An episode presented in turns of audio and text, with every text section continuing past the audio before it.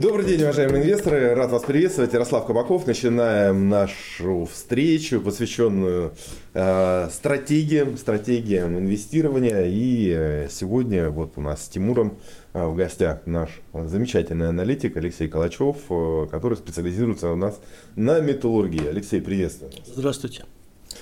Э, спасибо, Ярослав. Приветствуем Алексея. Приступим. У нас сегодня разговор про добывающий сектор и про э, металлургию и некоторые компании со схожей бизнес-моделью. Алексей, я так понимаю, что на подходе у нас э, квартальная стратегия по металлургии. Мы скоро ее уже увидим. Да, она где-то появится где-то не через неделю, не через 10, как только она будет завершена. Мы сейчас как раз на ней работаем. Замечательно.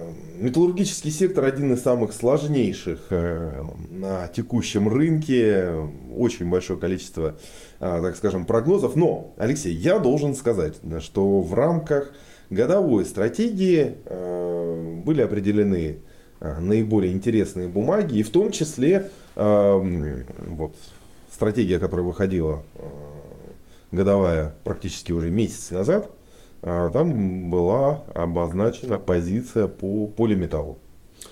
Да, а, полиметалл. Мы возобновили его анализ, как только стало более-менее понятна стратегия а, руководства компании по дальнейшему существованию. Алексей, я являюсь вот э, вашим фанатом. Почему? Потому что благодаря вам, да, пару лет назад э, достаточно неплохо прокатился в акциях Русала, сейчас неплохо прокатился в акциях э, полиметалла. Как удается так а, замечательно? И на чем еще можно прокатиться? Как хорошо вы прокатились бы на акциях китайской этот дзинь-дзинь, которая у нас занимается золотодобычей и добычей меди. Она выросла вот а, как раз с, начала рекомендаций до текущего момента выросла 48% китайской рынка. Вот буквально за какие-то полгода.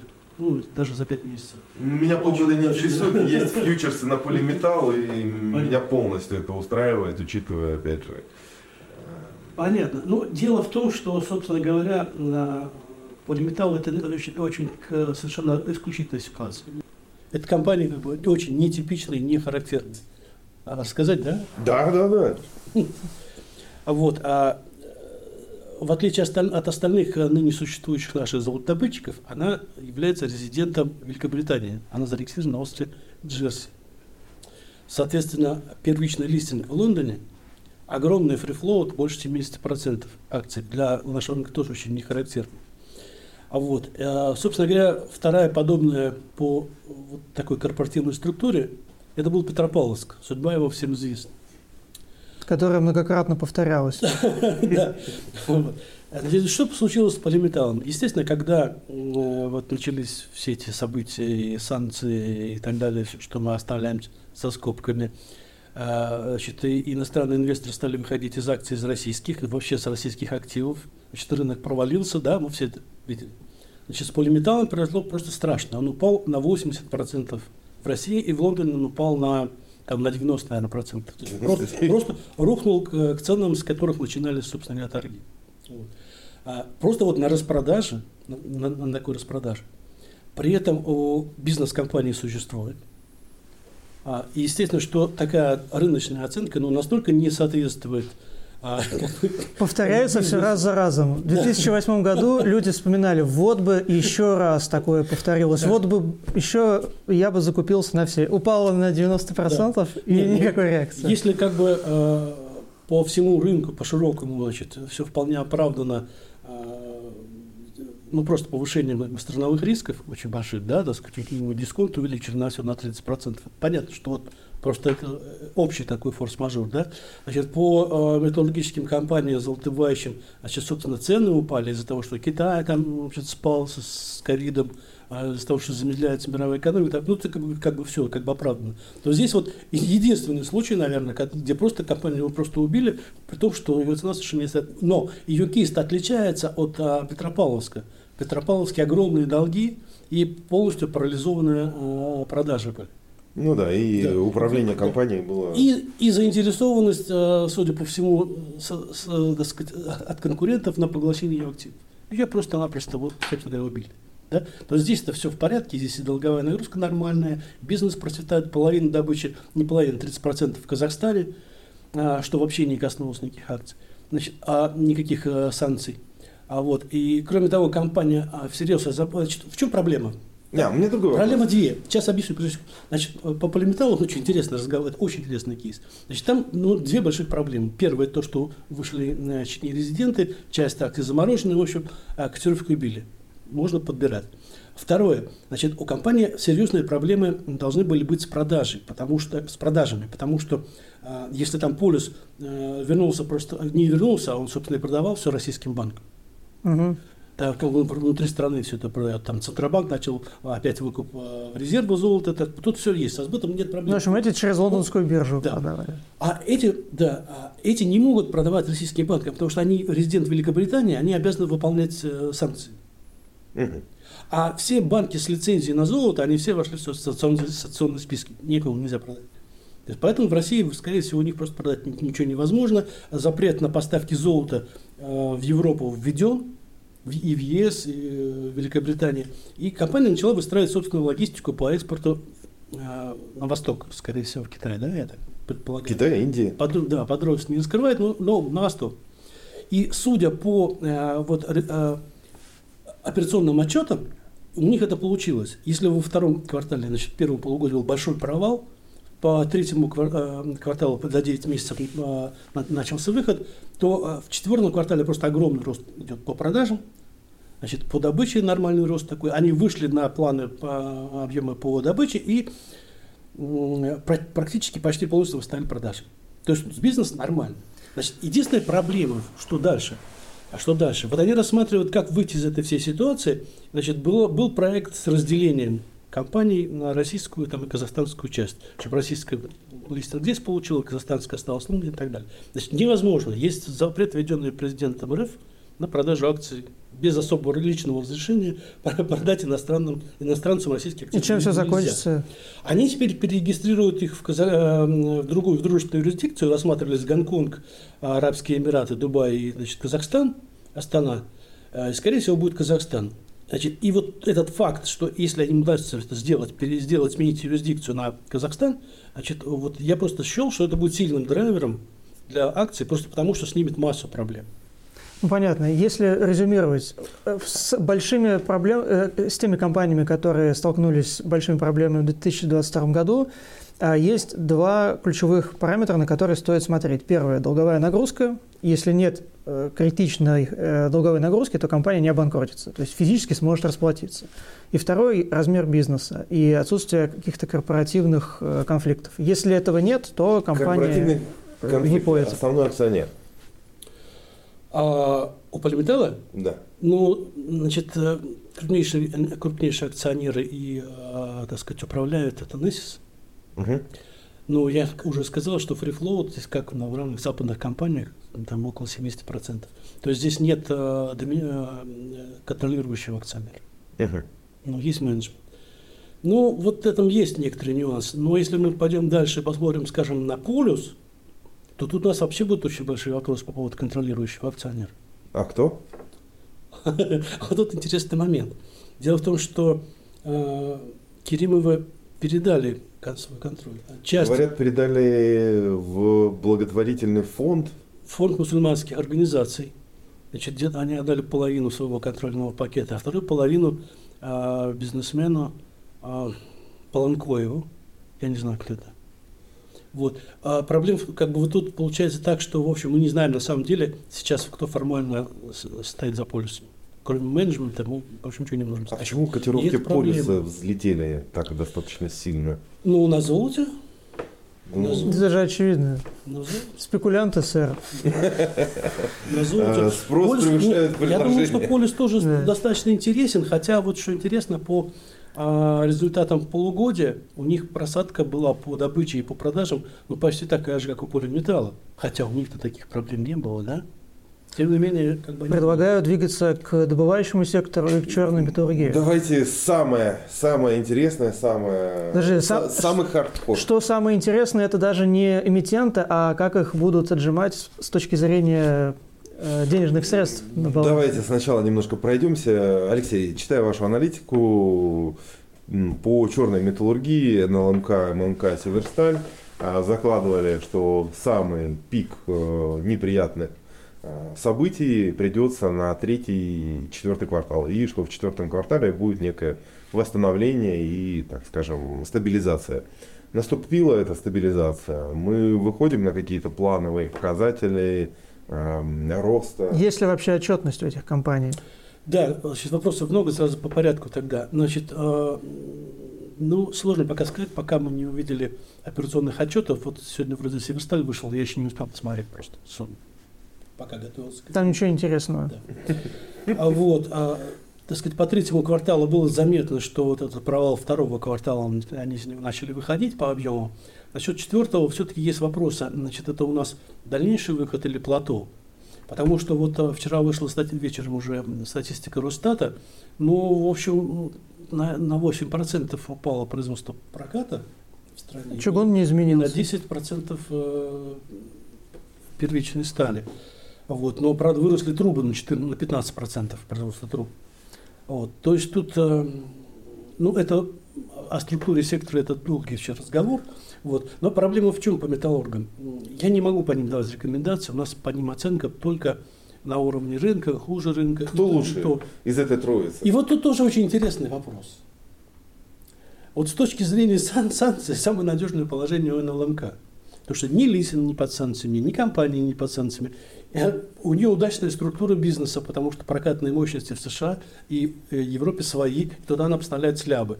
Значит, Европа восьмым пакетом расширила запрет на поставки российской э, стали, в том числе и на слябы. Но, потом но, перене, как... но перенесла срок на два года. За два года столько всего изменится. То есть фактически НЛМК не пострадал, по идее, по большому не мог пострадать ни по экспорту, ни по продажам, ни почему. По объемам тоже у него все в порядке. А по долгам?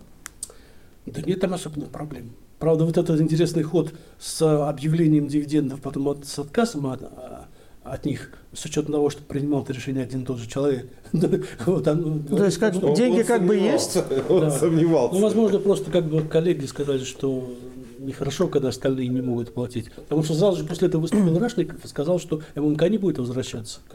Пока То есть, э, если резюмировать, НЛМК это единственный, кто что-то объявлял? А, тут вот какой вопрос. Да, объявлял и отменил. Значит, а, тут вот какой вопрос. Получается, что она меньше всего под санкциями, но а, если мы посмотрим на динамику там, продаж, мы думаем, что меньше всех пострадает ММК, по которому экспорт маленький, да, в основном все на внутренний рынок. А оказалось, что у них больше всех упали продажи. Ну, потому больше... что крупные монстры затоптали маленькое. Так, нет, самый что, важный нет, вопрос. думаю, что потому что э, машиностроение просело очень сильно. Что выхода... Самый важный вопрос. Основные потребители продукции в России – это же девелоперские компании, собственно, строительство. 75% по статистике э, в России это очень специфическая структура распределения. В других странах, по-моему, 50 или даже 40%. Да, девелоперский, но тут же опять надо смотреть, э, тоже неоднородный сектор. Там, где, значит, реализация э, модернизационных проектов наших, инфраструктуры, там как бы нормально все. Там, где э, жилищное строительство, был очень удачный год, и у них даже, так сказать, рост по жилью, там рекордные объемы. Северсталь не согласна в этом а, утверждении. Секунду. А вот прос, нет, просадка была там, знаете, в каком сегменте? Бизнес, офисы, складские помещения. Вот тут же была большая просадка, падение. Я даже немного про другое. 75% строительства. Ну, там президент стимулирует строительство, объявил о продлении субсидирования ипотеки. То есть мы закрываем этот вопрос как критично важный для них. То есть если стройка не просядет два раза, значит, э, ну, да. компании, э, собственно говоря, не испытают каких-то чрезмерных проблем. Да.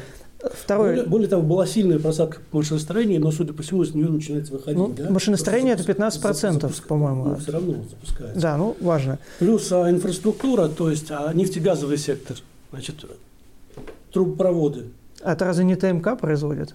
ТМК, но он же из стали производит. Ну, понятно. То есть это металлурги им продают сталь дешевую, а они производят дорогие трубы. Ну, ТМК же консолидировал там прокат да. себе. Да.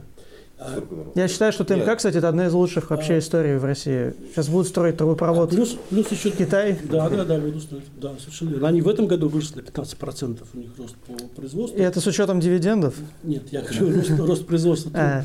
труб в этом году был вот по, по вчерашним данным Росстата. Плюс ЖКХ. А ЖКХ пластиковые трубы. Ну, не только пластиковые трубы, там разные. Нижнекам с нефтехим. Самый важный вопрос. Вот вводили э, акцизные э, разные э, ограничения, пошлины на металлургов. Действуют ли они сейчас? Могут ли их повысить, чтобы Минфин мог собрать больше налогов с добывающего и э, сталелитейного сектора? Ну, я думаю, нет. Не, не, будут они сейчас этого делать. Почему? А, ну, я сейчас поясню логику, как я ее понимаю. Вот когда 21 год был чрезвычайно удачный для черной металлургии, вот, то есть, ну, инвестиционный цикл далеко позади, долгов практически нет, там по нулям все. Значит, цены подскочили мировые просто на, на, на металлопродукцию огромные. Затраты в здесь нормально все. То есть от, очень отличный год. Соответственно, тут же в лице Белоусова правительство заявило, что ну, государство тоже должно что-то с этого получить. И э, резко с 2022 года увеличили э, долговую нагрузку. Так, то есть я правильно понимаю, если цена на сталь растет, это плохо, если падает, плохо. Теперь что, нет, теперь что получилось? С 2022 года они обложены дополнительно акцизом на жидкую сталь. То есть все, что выплавляется, с этого платится акциз, который рассчитывается в виде там, э, 2 с чем-то процента к ценам продажи на экспорт а, в портах в долларах. Вот ММК выплавляет 2% сталь. это мало. Ну, как сказать. ММК выплавляет ну, сталь в России. Там да? нет. Теперь смотрите. Очень много, в принципе. Теперь смотрите. Она выплавляет ну. сталь в России. Цены упали. Здесь, да? Упали. Значит, а рубль вдруг резко укрепился. Экспорт ММК практически не остался. Ну, совсем мизерный а он платит по экспортным ценам с внутреннего производства жидкой стали. Ну, это, в общем, явный перебор. Но даже дело не в этом. Дело в том, что э, была очень благоприятная конъюнктура, и с них взяли по максимуму. Причем взяли по максимуму так просто введя новый фактический сбор а, на совсем. Да? А в 2022 году конъюнктура резко перевернулась, изменилась. А сбор остался. Все, а сбор, сбор остался. Да. При том, что у них они экспорт практически потеряли очень значительную часть. Ну, Европа весь премиальный Китай. экспорт. Вопрос. Китай. Сейчас, сейчас секунду, секунду да. я закончу на этот вопрос. Секунду, на, закончу на этот вопрос, потом перейдем к Китаю. Китай тоже интересная тема. Значит, что у нас получается?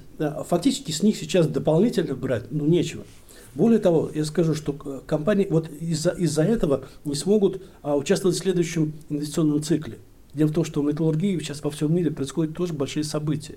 Многие крупнейшие производители начинают отрабатывать технологию э, производства стали без угля, безуглеродная сталь.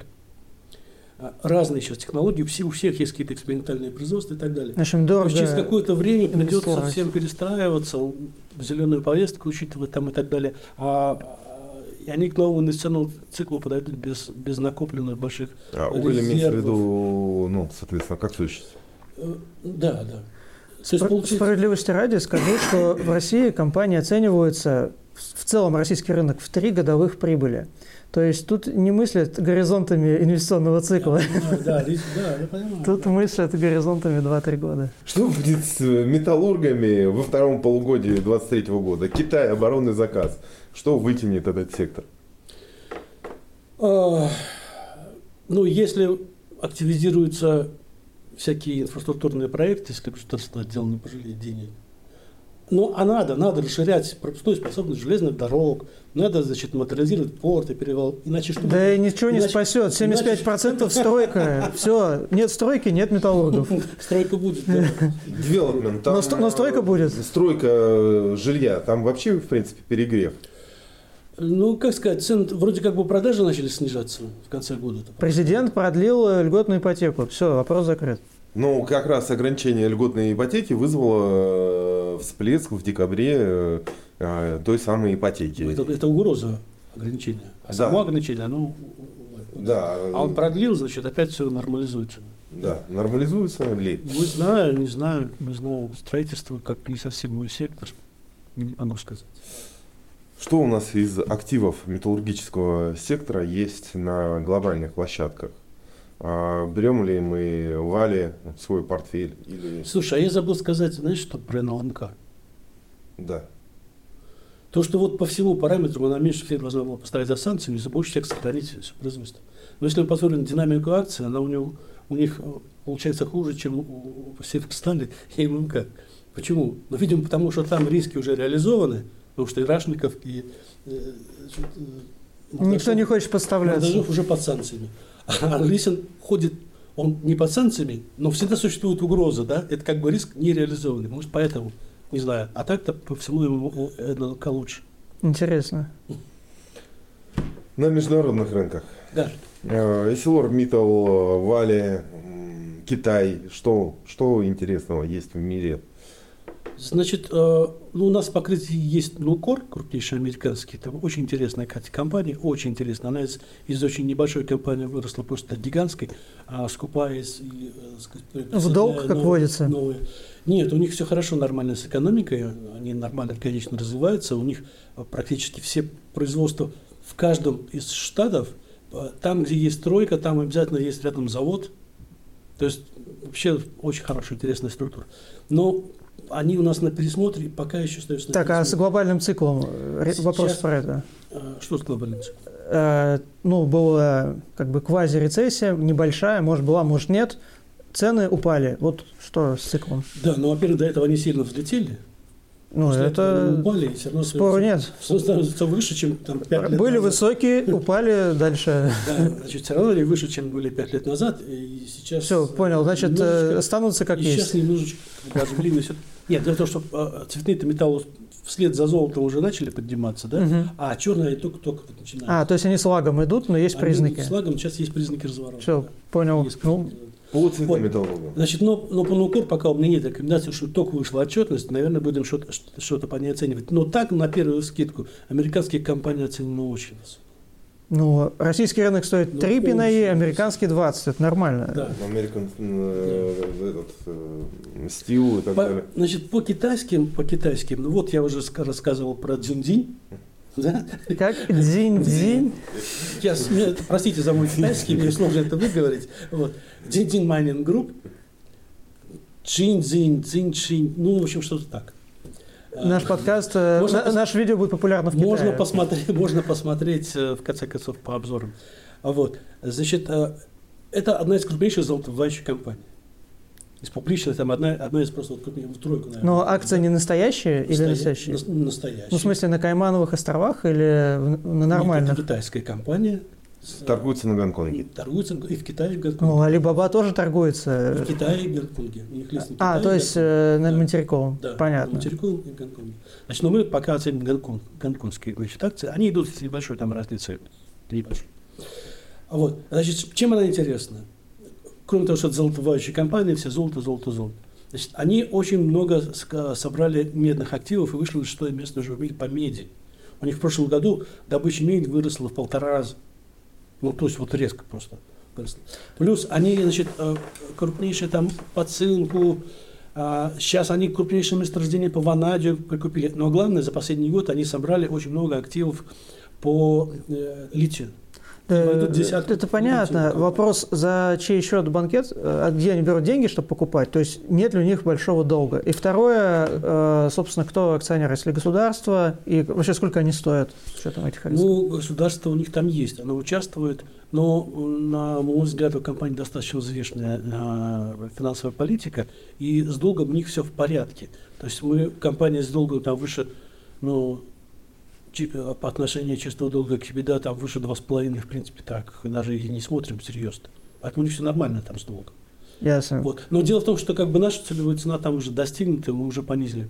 Компания да, интересна, нужно да. следить, мы вот, будем следить. Значит, крупнейшая алюминиевая компания, China Хунцао, China Хунцао Group. Значит, крупнейшая а, алюминиевая компания, но, может быть, сейчас она будет вторая, после того, как а, вторая прикупила еще одну, там две государственные сливаются. Это частная. А, у нее интересная история. Она началась с небольшой фабрики по пошиву джинсов и выросла в крупнейшую алюминиевую компанию мира. Вот, с долей там... Ну, Toyota ткацкая фабрика 80% была. рынка первичного алюминия, там 10%, 9-10% по глинозему, то есть очень круто. Значит, у нее перспектива еще сказать достаточно большая. Мы ее начали анализировать чуть раньше, когда рынок, китайский рынок еще не кончил падать. Поэтому она просела вместе с рынком, и сейчас вернулась на значит, цены, и мы полагаем, что там еще процентов 40. Так, я, предлагаю есть. резюмировать. Получается, что цикл восстанавливается, ну, идет э, в гору, э, идут впереди э, цветные металлы, отстают, э, ну, как обычно, с лагом черная металлургия. В целом цикл очевиден, как его фаза восстановления. Да, но, и но, мы... но с некоторыми оговорками. Я все-таки оговорился, сделать некоторые оговорки. А, понимаете, ну, в целом долгосрочный, долгосрочный э, тренд в цветных металлах, он, конечно, будет ростовой. Ну, просто потому, что курс на декарбонизацию, на энергопереход никуда не делся. Это рост потребления всех батарейных металлов, электротехнических металлов, на всего. То есть это долгосрочный тренд. И все бы нормально по нему шло, и вот как бы в начале прошлого года мы как, э, так сказать, все это вот нормально все прогнать, а нет, раньше еще даже еще в 2020 году, как бы это все просчитывалось, но потом вмешался ковид, пошли сбои, вот так вот все задрепыхалось, сначала упал, упало потребление, потом э, начались геополитические риски, перебои с поставками, все стали зак- накапливать запасы, э, из-за перебоев поставок. Цены взлетели до немыслимых высот, то есть выше, чем, так сказать, обогнали нормальный тренд, да. После этого Э, стало восстанавливаться поставки, а запасы... На... Это очень важный момент, я понял. То есть речь идет о том, что э, цикл растущий, и он не менялся. Просто было сначала э, было увеличение спроса очень сильно, и да. цены резко выросли, но сейчас э, это все нормализовалось. Цикл роста продолжается, он более плавный. Да. Предлагаю к добыче... Не-не-не, они цены скорректировались достаточно сильно, да? но вот сейчас со, со снятием э, проблемы с политикой нулевой терпимости к ковиду в Китае, вот с оживлением, потому что Китай все-таки это больше половины потребления всех металлов, больше половины переработки. А, соответственно, вот а, на ожидание оживления в Китае цены начали восстанавливаться. Но они, как, как всегда, цены на рынке, они идут впереди паровоза. Да? То есть еще, мы еще не увидели, насколько Китай там быстро восстанавливается, и, может быть, он не так будет быстро восстанавливаться, может быть, какое-то плато войдет, а цены уже поскакали вперед. Поэтому я не исключаю значит, промежуточных каких-то коррекций еще на рынке они будут происходить. То есть это не линейный рост. Понятно, что риски все равно есть. Для российского инвестора э, сладкая парочка. Русал, ГМК, Норникель. Ну, Русал у нас фактически вот э, э остается, так сказать, что в лучше? рекомендациях покупать. А, но дело в том, что он уже вырос почти на 30% с наших рекомендаций. И вот до нашей целевой цены а, его осталось совсем немножечко. А будем ли мы пересматривать, пока не знаю, надо посмотреть. Все-таки риски существуют, закончилось акционерное соглашение. Это понятно. Они не хотят платить большие дивиденды. Вот э, Дивидендов не будет. что лучше добавить в портфель? Русал или Норникель? При прочих равных, без учета целевых цен, просто вот э, если требуется диверсификация в этом направлении, цветная металлургия, что лучше? Ну, сейчас бы, вот сейчас бы, я, наверное, добавил Норникель. Угу. С учетом даже низких дивидендов? Ну, во-первых, даже низкие дивиденды, они все-таки будут, у Русала их нет. Ну, ну то, что они там выплатили там небольшой дивиденд, не разовый, не факт, что они смогут. Почему? Да, потому что у него а, около половины а, доходов Русала – это доходы от Норникеля. А теперь они упадут. То есть сама операционная рентабельность Русала очень низкая. Ну, очень невысокая, так скажем. Да, но потому долг, что... долг, который приобрел Русал, это... У него огромные долги. Да, это долг во многом сформированный покупкой пакета да, ГМК. И обеспеченный. Да. То есть эту тему, ну, она сбалансирована. Мы про другое. Дело в том, что, а, не знаю, около половины, даже больше, наверное, половины сырья для производства алюминия, вот, клинозем, Русал ввозит в страну. Да? А сейчас он лишился двух больших источников этого глинозема. А, Николаевский глиноземный завод в Украине, плюс а, то, что Австралия запретила поставки глинозема. Вот. И, а, судя по по результатам полугодия он смог восполнить это поставками из Китая. Но э, значит, э, себестоимость выросла. Ну, слава богу, цены хорошо выросли, поэтому прибыль там рекордная была в первом полугодии. Все там нормально было у Русала. Но вот давайте смотрим на, смотрим на перспективу.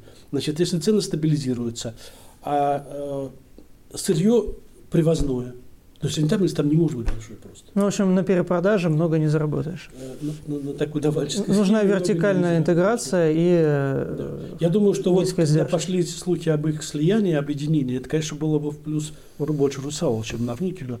Зачем на Норникелю такие проблемы? Значит, у Норникеля главная проблема то, что это все-таки нужна модернизация оборудования. Все, уже затянули вот с этим делом, с э, с увеличением инвестиционной программы, сейчас они увеличили там, в два раза по сравнению с предыдущими годами в среднем. Да? Вот этот год будет пик, следующий будет чуть меньше, Я большие инвестиции- на вопрос свой услышал. Да, что понял. с майнингом? Маленькие. Ну, добычей. А, майнинг часто, часто опять... Ну, наши любимые Ауроса, Мгм. угольщики, Фосагра. А есть ли в этом секторе что-то адекватное к покупке? Что не перегрето? А, я полагаю, это фасагр. Даже с учетом этих высоких Даже с учетом того, что у них ввели теперь экспортную пошлину, а компания экспортирует 70% продукции. Вот. Даже с учетом того, что значит, цены на удобрения все-таки высокие, на фосфорсодержащие удобрения, на ДАП все-таки достаточно высокие. А что же достаточно высокие? Да, от пиков они упали, наверное, процентов на 20-30 сейчас. А 30, наверное, уже даже сейчас. Но а, по сравнению с ценами предыдущих периодов, они все равно очень высокие. Это раз. Во-вторых, а, как бы пока вся эта существует напряженность, опасения по поводу там э, падения урожайности, голода, да вообще долгосрочный тренд на удобрение на рост произвол- э, использовать. То есть это, в общем, верняк. Если посмотреть на акции в исторической перспективе, они всегда вели себя таким образом. Долгий отстой, бывал даже по 2-3 года, вот колебания таком долгом. И потом вот этот, этот самый накопленный этот потенциал выстреливал на следующий уровень. Мы то же самое видели и вот в этот раз. Да? Был выстрел, на общем падении рынка они откатились, и опять они сейчас в горизонталь. Значит, э, компания, на мой взгляд, надежная. А, Кроме того, э, хорошую прибыль генерирует. И кроме того, они сейчас очень хорошую, сильную осуществляют дивидендную политику. У них все в порядке с сырьем, с вертикальной интеграцией или нет? Но у них все в порядке с сырьем. Потому что апатит это крупнейшее месторождение причем чистых этих руд без э, вредных примесей. Ну, там запасы с есть. минималь- Огромные запасы. Всё с- замечательно, С минимальными примесями пользуются спросом. По сравнению с другими, так сказать, источниками, очень хороший. Значит, никаких санкций против этого сектора нет. А, и они хорошую дивидендную историю стали рисовать. Они такие дивиденды замечательные выплатили за вот прошлый год, э, предыдущий год, за этот год и э, промежуточные. И, в общем, мы думаем, что там процент, двузначная должна быть дивидендная доходность при любом раскладе в этом году. Так мы ожидаем, ну, с учетом промежут, э, этот, э, промежуточного за прошлый, Акрон? где-то около 10. С Акроном сложнее, потому что Акрон последний отчет показал за 9 месяцев аж 2021 года. То есть мы вообще не знаем, что там происходит. Какой дисконт? У компании, конечно, там все хорошо должно быть, потому что цены азотные удобрения взлетали очень сильно. Сколько они стоит отсутствие отчета? Какой дисконт добавлять к цене? При... Сколько вы добавляете к э, цене дисконта при отсутствии отчетности При нормально? отсутствии финансовой отчетности мы вообще не делаем целевых целей и рекомендаций. Мы Десяток мы- лет назад работал в Акроне, ожидая, что епида там увеличилась. Я думаю, раза. там все с бизнесом все в порядке. Но посмотри на как упала ликвидность акций. Они же сейчас фактически такой сейчас стали второй эшелон глубокий. Вот они торгуются, торгуются, торгуются. Вдруг что-то такое там какие-то- Ну, Росстат какие да нет, какие-то слухи, может быть, интернет-компании, я не знаю, там, Телеграм. Взяли за два дня, хоп, э, э, подняли цену. Потом она опять вернулась, опять стоит. Это не, та бумага, которую мы рассматривать как инвестиционную, понимаешь, она значит, только для спекуляций. Будь у них выше ликвидность, будь у них прозрачная отчетность, их можно было бы рассматривать. А что касается экономики, у них там все нормально будет. Вот только отчетности нет, и дивидендов они сейчас перестали платить. Короче, Хотя могли бы очень хорошие под- дивиденды. Подводя Да, итог. Потому что нет отчетности. А, а, э, Должны рекомендовать совет директоров собранию акционеров. А как акционеры узнают, какая отчетность, чтобы они могли принять решение? Это все взаимосвязано. То есть мы пока не можем рассмотреть. То же самое касается Алроса. Алроса закрыла, а, то есть вообще перестала раскрывать не только что отчетность, даже операционные показатели, даже данные по продажам, даже корпоративная информация вся закрыта. Более того, даже данные за прошлые периоды можно получить только по запросу. Ну, хорошо, такой кот в мешке. Компания под санкциями, руководитель под санкциями, алмазы под санкциями, ну там все под санкциями, да, уверяют, что у них продажи идут и очень хорошо. Запустили вот инвестиционные корзины для населения. Вот. Ну, это уверение. Мы не видим цифр, как можно это анализировать? Я не могу понять. Я думаю, это небольшая доля от продаж. Ну, это Да, я не могу. На- Наверное, какие-то каналы они отладили, какие-то, значит, параллельный экспорт, параллельный импорт, что-то, наверное, сделано.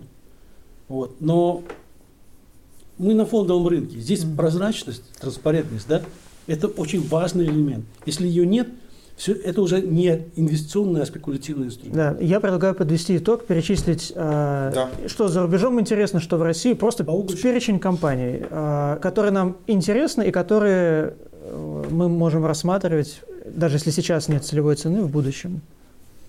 Ну вот в России, допустим, мы обсудили НЛМК. А, скорее да, чем нет. Скорее да, чем нет.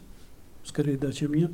Да, вообще говоря, думаю, что и по металлургам-то вот все, я просто жду, когда они наконец начнут раскрывать отчетность. Понятно. Я думаю, что они дно-то уже достигли. Когда достигли дно, может только раз. Помните, как с Алросой было, когда они упали, и акции стоили вообще настолько дешево, что можно было покупать при любых Все рисках. обсуждали искусственные бриллианты. Это как обычно э, циклический сектор. Да. А мы э, помимо НЛМК упомянули Фосагра, а, Фосагра. Китайские две компании, которые я не смогу воспроизвести.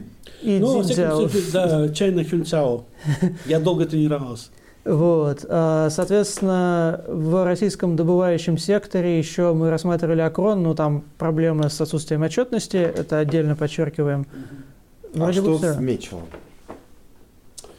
Ну, я не очень... После,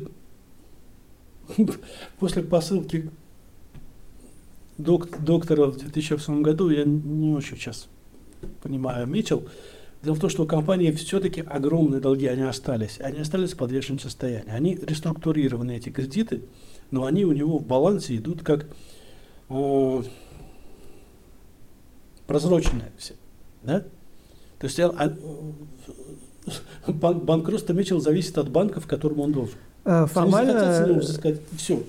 Формально он фактически, банкрот. да. э, У зрения был, этого. был замечательный актив Эльга-Уголь. Просто огромное месторождение угля отличного качества, который, собственно, и влез в долги ради этой компании, ради вот этого всего. Ему пришлось от- его отдать, чтобы реструктурировать компанию. Вот, а если посмотрим на предыдущие годы, у него снижение объемов, падение. Потому что продано Эльга уголь. Ну, Нет, даже без учета у них снижение уже было по полугодию, прошлом полугодии продолжалось снижение. Сейчас не помню по памяти, сейчас точно скажу, но мне кажется, оно продолжалось. И долговая нагрузка никуда не делась, поэтому это можно... Вот смотрите, как ведут себя акции Мечела. Они реагируют на цену на уголь, они реагируют на любую корпоративную информацию по Мечелу. То есть они ведут себя как спекулятивная бумага. То есть выходит какая-то информация, они движутся. В учебнике по финансовому менеджменту обычно пишут, что если у компании отрицательный собственный капитал, то она банкрот. Золотые слова. У компании отрицательный А собственный капитал. Значит, у Распадской, э, Распадская это не энергетический уголь, там очень небольшая доля. Это все-таки коксующийся уголь. Да. Вот, соответственно, вот это вот весь ажиотаж из-за энергетических углей в Ньюкасле там 420, 430, все, тем более уже сейчас уже не 430, а 230, ну, ну, аж. А здесь нет. Но как бы наши э, спекулянты, они, конечно, реагируют на цену на уголь. Она за ними ходит. Значит, если посмотреть, то, в общем-то, основная часть поставок у нее это концентрат коксующегося угля. Вот это основной объем ее продукции распадской. И продается он а, в основном все внутри холдинга Евраз. Евраз под санкциями жестко. И это минус. Компании не успели выделить. Я думаю, что там главная идея по Распадской была. Ну, консолидация. Евраз хот- да, она сконсолидировала активы. Активы не успели сконсолидировать. Все, весь, весь уголь, значит, Евраза, он здесь сконцентрирован. Главная идея была о выделении ее с разделом акций в отдельную компанию. Вот если бы они успели это сделать, это была бы сейчас фишка должная. Но вот сейчас это как бы пока не фишка. Но теоретически Теоретически это интересно. То есть, если мы говорим об, о- об угле, она интересна. Но надо понимать, что это не энергетический уголь, который А сейчас скачет, а концентрат коксующийся уголь. Вот ясно. Который э, постепенно Для вытесняют из э, технологического цикла. Ну, это будет очень скоро. мы мыслим тремя годами технологические циклы. Дай бог, чтобы все это все-таки пришло к более длинному горизонту планирования. Алексей, подводя итоги, э, как смотрите на металлургический сектор России? Будет ли жить? Э, Какие ждете результаты по итогу 2023 года? Ну и э, собственное отношение, если... Ждете ли публикации отчетностей? Ну, конечно, ждем публикации отчетности, но вот беспокоит то, что правительство продлило а, право компании, попавшей под санкции, не публиковать отчетность Да какой? на полгода, На полгода. до середины Мгм. этого года. И не исключено, что продлит. Как бы вот есть такой риск, что продлит. Вот. Это плохо, это минус, минус в оценке эмитентов, конечно, очень большой. Что касается значит, металлургов, все-таки надо разделить черную цветную металлургию. Потому что черная металлургия – это большая часть, это внутренний рынок, соответственно, будет зависеть от, от остальных отраслей, от потребляющих отраслей. Вот здесь, в общем, наверное, будет все-таки восстановление. Но при этом все равно от слабого рубля не выигрывает, даже если внутренний рынок. А, да, да, конечно, конечно. Ну, потому что все-таки равно экспорт какой-то остается. Ну, цены привязаны. Окей, Да. А вот что касается металлургии, то все-таки это экспорт. цветной. Да, вот вот цветной металлургия это экспорт. У Русала это около 70%. Значит, у Норникеля там 90%, больше 90% выручки это экспорт. То есть, с учетом всей нашей геополитической ситуации, рисков несколько больше. Да. Окей. Ну, но Норникель ключевой поставщик палладия. И А Очень- палладий используется в выхлопных системах и немецких очень, автомобилей. и очень крупный поставщик а, чистого никеля. Поэтому, в общем, вряд ли он под, санкциями. Кроме того, здесь санкции на металлургов, они попали не, не, не конкретно по компаниям, они попали из-за главного лица. И что от того, что Потанин попал под санкции? У него нет контрольного пакета, на Норникель это не распространяется. А, Меня вот- а отдельно вот- радует, что на Тинькофф не распространяется. А вот у черных металл, вот черные металлургии, да, этих, э, Северсталь, НЛМК, ММК, у них больше 70% контрольный пакет э, лицам, которые попали под санкции. И сразу, сразу компания встает. Как только против э, Мордашова Евросоюз ввел санкции, так сразу экспорт э, Северстали, который стал 30% его выручки, он сразу весь встал. Вот что такое эти санкции. Так, ну что же, подводим итоги. Э, Мы ждем вашу квартальную э, стратегию по металлургии, э, учитывая все нюансы, связанные с отчетностями, перспективами, которые мы сегодня проговорили. Конечно, хотелось бы посмотреть и графики, и цифры более детально. Так что ждем и наслаждаемся. Я думаю, что в ближайшее время, через неделю, дней 10, мы уже увидим ее на нашем сайте Финанс, и э, она будет проанонсирована. Да, спасибо большое, было очень интересно. Э, Спасибо за то, что смотрели и слушали нас. До свидания. На этом все. Большое спасибо. Не забывайте, в описании видео будут ссылки и на стратегии. И э, не забывайте подписываться на наш канал, ставьте лайки, пишите комментарии.